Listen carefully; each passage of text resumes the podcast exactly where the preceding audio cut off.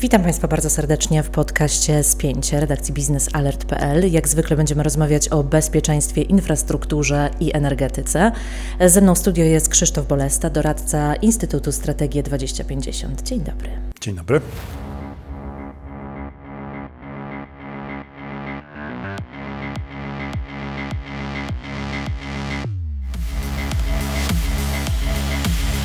E, Krzysztof, jesteś doradcą od czego konkretnie? Od spraw energetyczno-klimatycznych, czyli taki, taka działka dosyć szeroka, ale dzisiaj bardzo aktualna. Dzisiaj bardzo aktualna faktycznie. I skąd wiesz, co doradzać? Skąd wiem, co doradzać? E, ja praktycznie całe swoje życie zawodowe zajmuję się tematami okołoenergetycznymi. Najpierw w Urzędzie Komitetu Integracji Europejskiej, tam gdzie wprowadzaliśmy Polskę do Unii Europejskiej a później od 2004 roku w Komisji Europejskiej, mm, najpierw przy tematach pomocy publicznej, a potem już w Dyrekcji Generalnej Energia. Okej, okay. i powiedz mi, masz taki pogląd, powiedziałabym, bardzo polityczny na, na kwestie energetyczne e, i widzisz też tę dynamikę zmian ostatnich lat z bardzo bliska, bo z perspektywy Brukseli. E, w jaki sposób tak naprawdę w codziennej pracy to się zmieniło? E, no tak, to jest taki już niestety chyba dosyć długi okres, e, w którym widać pewne, pewne trendy i, i w, kiedy zaczynaliśmy wchodzić do Unii Europejskiej, to e, były takie trzy główne cele polityki energetycznej, klimatycznej jeszcze wtedy nie było. Bezpieczeństwo energetyczne, wspólny rynek i środowisko. I tak naprawdę wspólny rynek to był taki najważniejszy, najważniejszy filar tej, tej, tej, polityki. Chodziło o to, żeby zliberalizować e, rynek gazu i zliberalizować rynek energii elektrycznej.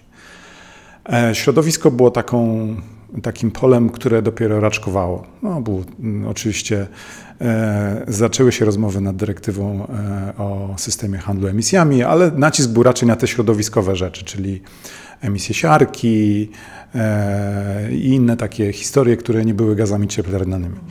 E, no i przez ten od powiedzmy 2007 roku, jak już byliśmy w Unii Europejskiej, to bardzo mocno e, przesunął się akcent tego, tego trójkąta energetycznego, że tak się wyrażę, na, na ten czubek środowiskowy, który się przeobraził, prze, przetransformował się w, w klimat.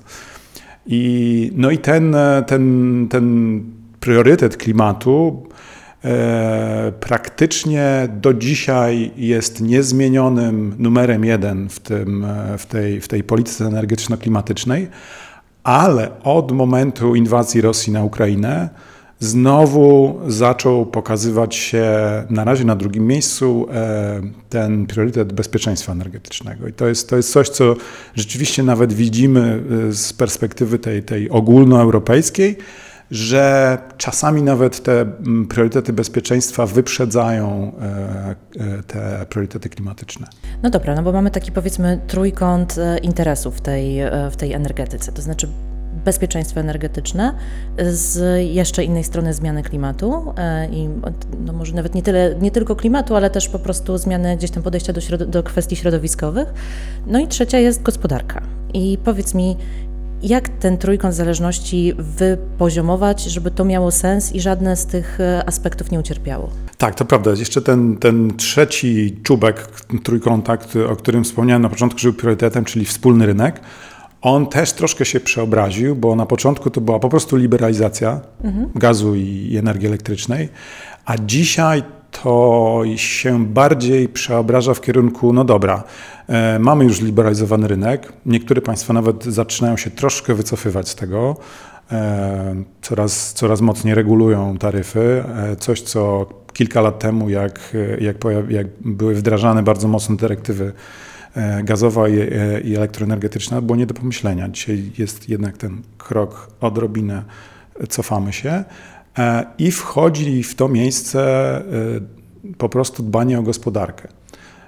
Czy to jest ogólnie jednolity rynek europejski, czyli, czyli dbamy o europejską gospodarkę, czy też rynki narodowe. To, to jest właśnie ta, ta, ta nowa rzecz. No i to jest jednak taka konstatacja trochę niefajne, dlatego że, y, że pamiętamy ten taki drive międzynarodowy na liberalizację, na globalny handel, który, na którym wszyscy mieli korzystać. No i teraz jakby jednak państwa cofają się troszkę do swoich muszelek. E, Unia Europejska można powiedzieć, że jest takim ostatnim ślimakiem, który jeszcze się nie schował do muszelki, ale już E, zaczynają politycy, na przykład e, wiceprezydent nowy Sewczowicz zaczął opowiadać o tym, że, że Unia Europejska musi być bardziej asertywna globalnie i mhm. też handlowo. Więc tak naprawdę też rynki energii powinny działać po to, żeby, żeby napędzać tę te, tą unijną gospodarkę czy, czy narodowe e, gospodarki państw członkowskich. Czyli już nie mhm. energetyka sama w sobie, nie po to, żeby być coraz bardziej zielona, coraz bardziej e, mm, zliberalizowana, tylko po to, żeby służyć e, przemysłowi. To jest ciekawe, o czym mówisz, dlatego że ten kontekst właśnie wspólnej wspólnego rynku jest często zapominany, bo jeżeli już w ogóle jakby kontekst właśnie te napędzania gospodarki zaczyna się gdzieś tam pojawiać w debacie publicznej, to ten wspólny rynek gdzieś tam e, albo umyka, albo jest zachowany pod innymi płaszczykami. E, ale teraz jakby stricte jeśli chodzi o gospodarkę, bo wspomniałeś o tym, że e, energetyka ma napędzać przemysł i to jest jakaś tam nasza myśl przewodnia w dzisiejszych czasach, e, to powiedz, w jaki sposób energetykę, współcześnie energetyka może napędzić przemysł? E, przede wszystkim e, to, co. E, zacznijmy od tego, że mało kto to pamięta oczywiście, ale w ogóle pierwszym jakby pomysłem, po co rozwijać odnawialne źródła energii, wcale nie było środowisko ani klimat, mhm. tylko był kryzys naftowy 73 roku i Komisja Europejska, która na, na, jakby na żądanie państw członkowskich e, zobaczyła, co można zrobić, żeby się od, oduzależnić od ropy z Zatoki Perskiej. No i to był ten pierwszy taki pomysł. Ok, no to obetnijmy, obetnijmy import. I dzisiaj znowu jesteśmy w podobnej sytuacji. Tym razem e, nagle zorientowali się niektórzy, że ojej, jesteśmy uzależnieni od Rosji praktycznie we wszystkich nośnikach energii. No i co z tym trzeba zrobić? A z drugiej strony e, otrząsnęliśmy się też, ojej, a w ogóle to jesteśmy też uzależnieni e, od importu z Chin, ze wszystkimi pozostałymi rzeczami, które nie są nośnikami energii.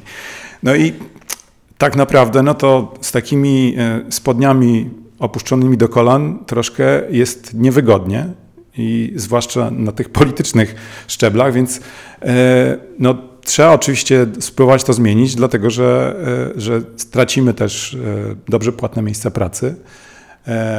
To, co się dzisiaj nazywa mm, just transition, to nie chodzi o to, że, że, że biedni ludzie trzeba, trzeba dbać o to, żeby, żeby z, z powiedzmy sobie z paliw kopalnych przeszli na odnawialne źródła energii, nie, nie pogarszając jeszcze bardziej swojego stanu. Chodzi o to, żeby ludzie, którzy dzisiaj mają dobre prace, dobrze zarabiają, te, w tej nowej rzeczywistości też się odnaleźli i nie pogorszyli swojego stanu życia. No, jak na przykład weźmiemy e, górnika w Polsce, który zarabia bardzo dobrze i to jest powyżej średniej krajowej, no to dla niego Just Transition to nie jest e, E, jakiś tam jeść chleb, wrzucenie go dokładnie, jeść, dokładnie tak, tylko, tylko zmiana statusu życia. Dokładnie. I żeby utrzymać ten status życia, robić co innego.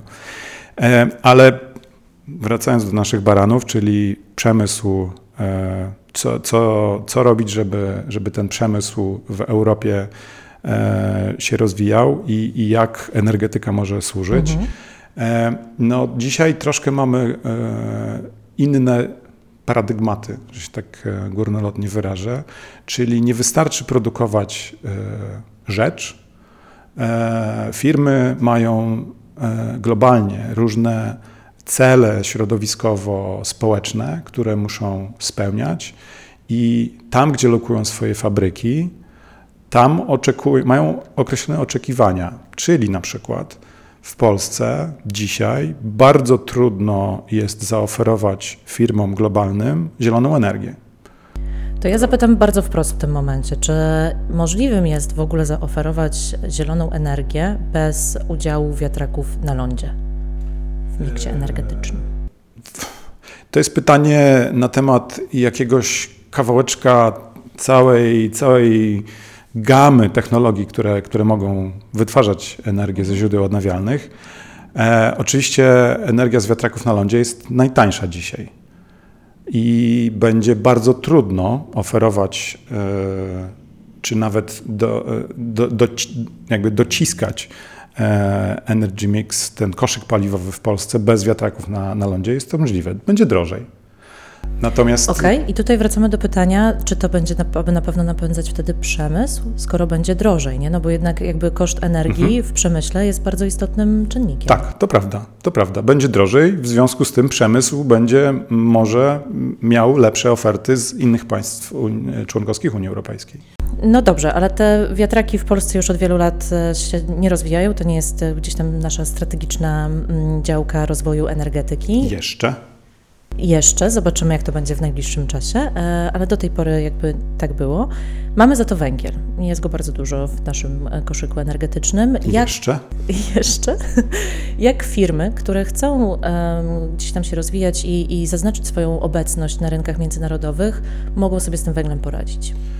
No to jest, y, to jest coraz trudniejsze, dlatego że globalnie jest rosnąca rzesza firm, które szukają, jak obniżyć ślad środowiskowy swoich produktów, no więc nie są zainteresowane, żeby, żeby zasilać swoje fabryki prądem, który ma wysoki ślad węglowy.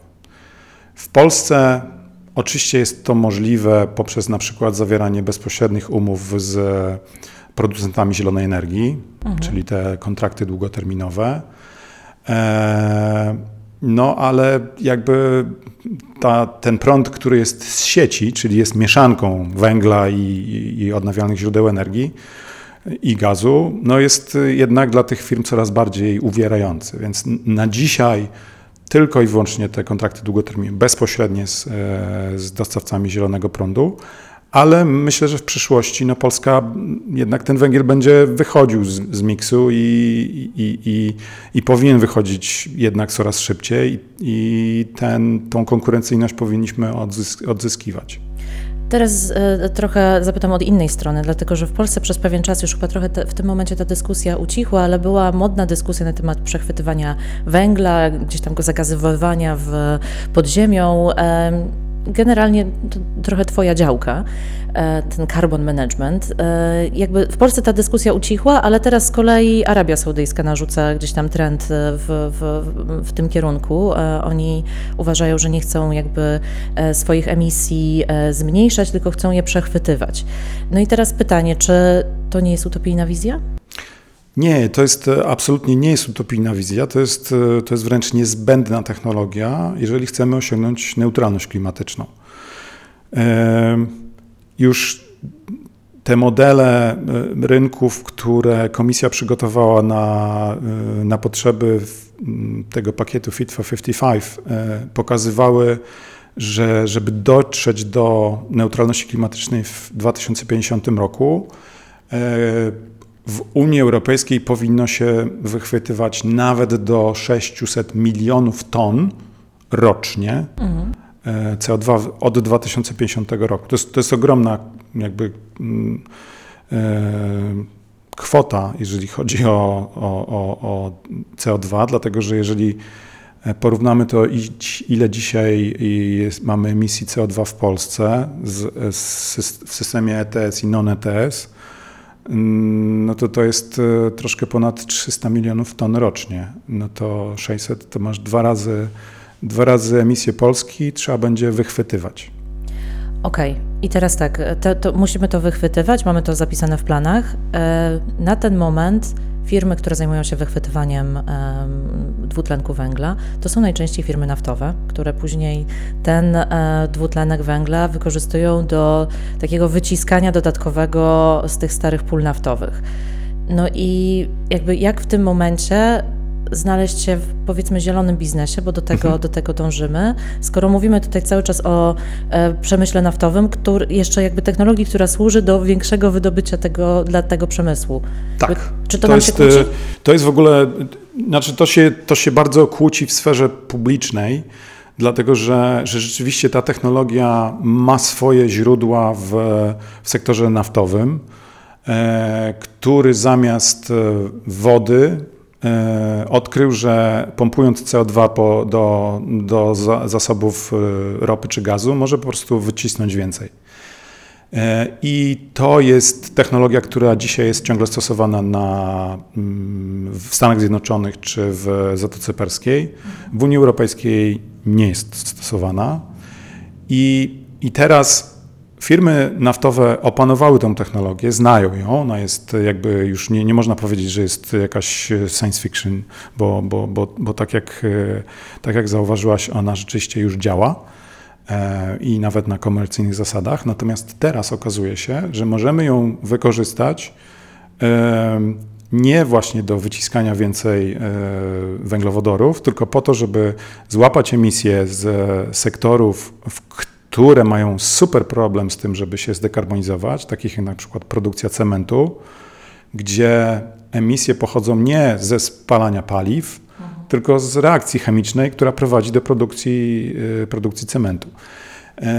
No więc łapiemy te, to CO2 z cementowni i e, zatłaczamy pod ziemię do, albo do mm, e, złóż ropy i gazu zczerpanych, albo do, e, do innych pokładów geologicznych, które, które będą trzymać ten, ten dwutlenek węgla nie wyleci? W nieskończoność. No, od, y, od 2009 roku jest już dyrektywa, która, która nakłada bardzo duże mm, i ścisłe ograniczenia na, na operatorów takich składowisk, mhm. e, która to ma zapewniać, że to CO2 nie będzie, nie będzie uciekać. A jak będzie uciekać, to inwestor w takie składowiska będzie płacił tak, jak e, zgodnie z tym, jaka jest cena emisji w EU e ETS. Okej, okay, ja rozumiem, że, że w tym momencie Komisja Europejska zajmuje się podstawami prawnymi pod, e, pod rozwój tego e, sektora, pod przemysłu. Teraz e, opracowywana jest strategia, czyli która okay. nie zawiera żadnych propozycji legislacyjnych, ale takie wytyczne, co trzeba zrobić, żeby przyspieszyć rozwój tych technologii. I to są, żeby to posortować, są jakby trzy główne typy. Pierwszy to jest wychwytywanie i składowanie dwutlenku węgla z właśnie tych sektorów, gdzie redukcja emisji jest piekielnie trudna albo piekielnie droga. Drugie to jest wychwytywanie i używanie tego CO2, na przykład do produkcji paliw czy do y, produkcji y, hmm, produktów, no nie wiem jak to inaczej powiedzieć. Y, a trzecia technologia to jest wychwycenie E, dwutlenku węgla, który jest, e, pochodzi nie z paliw kopalnych, czyli mhm. na przykład ze spalania e, zrównoważonej biomasy i zatłoczenie pod ziemię i wtedy uzyskuje się negatywne emisje, no bo to nie jest ten CO2, który jest wykopany, tylko mniej więcej zaciągamy go z atmosfery i robimy sobie kredyt.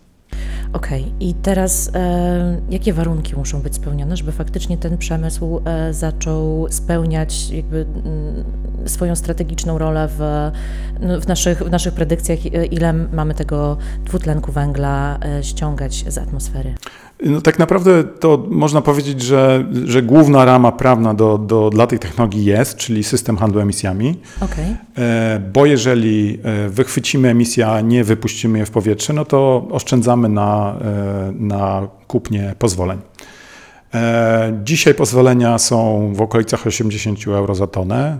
Mm, w pewnym momencie były w okolicach 100 euro za tonę. Ta technologia to są, y, jest cała gama zastosowań, które mają cenę y, w całym łańcuchu od wychwycenia do zatłoczenia, czyli tyle, ile musimy mieć, musimy oszczędzić. E, to jest mniej więcej od, y, od 50 euro za tonę do 250. Czyli e, te naj, naj, najtańsze zastosowania już mogłyby być komercyjne, ale one są dosyć małe. To jest na przykład upgrade e, biogazu do biometanu. Jeżeli upgrade'ujemy biometan do biometa, bio, biogaz do biometanu, to wtedy e, po prostu oznacza to, że zabieramy CO2 i mamy czyste CO2, które jest też e, biogeniczne, czyli nie, nigdy nie, nawet o żadnego fosila nie się działo. Co to znaczy nigdy obok żadnego fosila nie siedziało? to znaczy, że, e, że to jest CO2, które jest, nie jest pochodzenia kopalnego. Mhm. Czyli jeżeli je zatłoczymy pod, pod ziemię, to uzyskamy kredyt, czyli, czyli, czyli te, będzie ten to minus, ten, ten minusowy, mhm. minusowe emisje za które na, na dzisiaj w Unii Europejskiej nie mamy jeszcze żadnego systemu, który by wspierał takie, takie, takie kredytowe e, czy negatywne emisje. I to jest, I to jest ten jeden z, ce, z, celów e, strategii.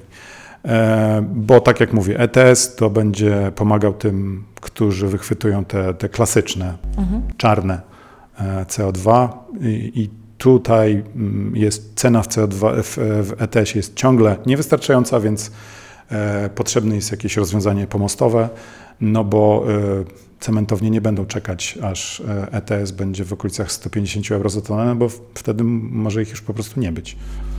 Okej, okay. czyli wiemy już, że powstaje pod to legislacja, będzie, będzie stworzony rynek w Unii Europejskiej. Ty, znając charakterystykę mm, polskiej energetyki i polskiego, powiedzmy, przemysłu też naftowego w, tym, w, tej, w tej konstelacji jest istotny. Czy uważasz, że w Polsce ten przemysł ma szansę się rozwinąć, bądź też w ogóle zaistnieć? Tak, przede wszystkim y, polskie cementownie potrzebują CCS-u. Y, dlatego, że, że tak jak wspomniałem wcześniej, nie ma innej y, drogi dekarbonizacji cementowni, jak no, może przypomnę, bo y, nie wszyscy mogą to wiedzieć, że po y, najnowszej rewizji systemu ETS e, ten system praktycznie dochodzi do ściany w, w, w latach 40. Y, no i wtedy, jak firma, która dzisiaj jest emitentem, nie znajdzie mm, technologii, nie zainwestuje w dekarbonizację, no to praktycznie ma y, koniec Nie biznesu. ma racji bytu. Tak. Mhm. Więc do tego czasu y, dla cementowni na przykład to jest jedyna droga do dekarbonizacji. Więc państwo też powinno zidentyfikować takie sektory, które, które potrzebują tej technologii na CITO i powinno e, pomóc na przykład w rozwoju infrastruktury do transportu CO2, bo no, oczywiście można sobie wyobrazić, że E, ze względu na, na brak akceptacji społecznej dla składowisk CO2, może się okazać, że, że w Polsce e, nie będzie można pobudować takich składowisk, e, więc trzeba będzie CO2 wysłać na przykład pod, pod dno morskie. Mhm. No i do tego potrzeba rurociągów. Czyli to jest tak naprawdę gigantyczna inwestycja. To nie jest, e, to jest tak naprawdę drugi system e, infrastruktury e, rurociągowej, nowa technologia, no bo cementownie w tym momencie tego nie robią. Dokładnie, tak, więc cementownia musi zainwestować w instalację do wychwytu, podpisać, mieć przede wszystkim do dyspozycji jakąś infrastrukturę transportową, żeby podpisać z kimś umowę na transport i później na końcu tego łańcucha wartości o składowanie CO2. I tutaj jeszcze dochodzi to, że muszą robić to jacyś ludzie, którzy mają jakieś wykształcenie. To tak. znaczy, my będziemy mieli bardzo duży problem kadrowy.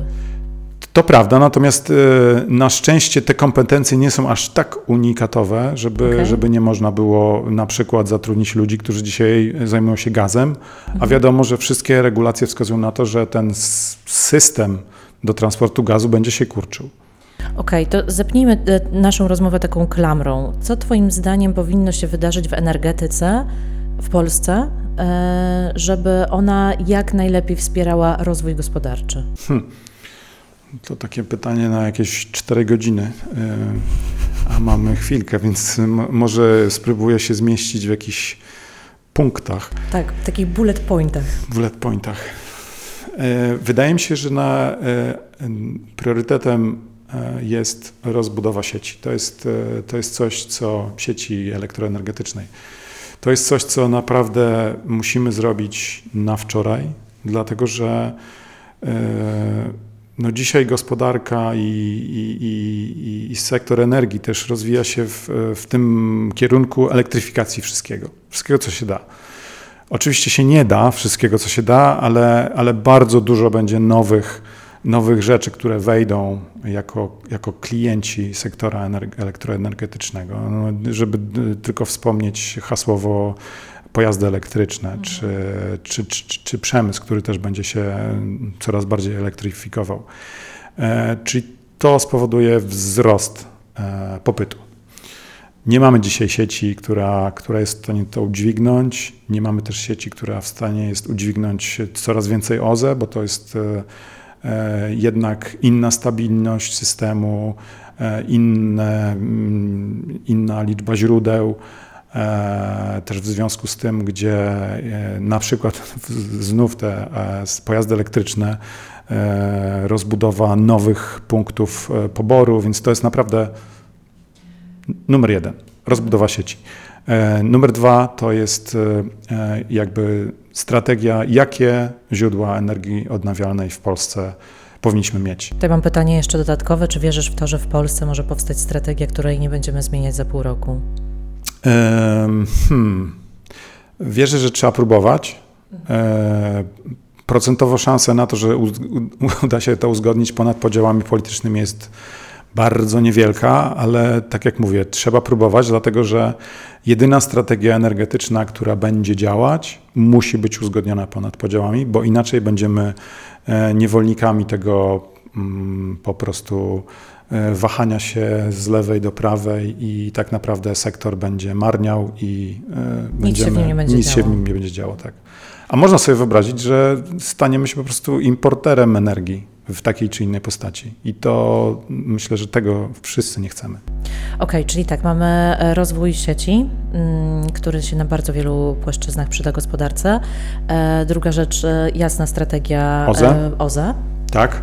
Trzecia? E, trzecia rzecz, e, rola e, energetyki jądrowej w, w, w, w gospodarce tak naprawdę, bo, bo, dla mnie to jest nie tylko produkcja energii elektrycznej, ale też dekarbonizacja przemysłu, bo, bo, bo dla mnie energia, energia ze źródeł jądrowych to jest przede wszystkim pomysł na, na dekarbonizację i ciepła, i wysokotemperaturowego ciepła i, no i też tej, tego wielkoskalowego zapotrzebowania na prąd w przemyśle. Okej, okay, i to są trzy punkty najważniejsze.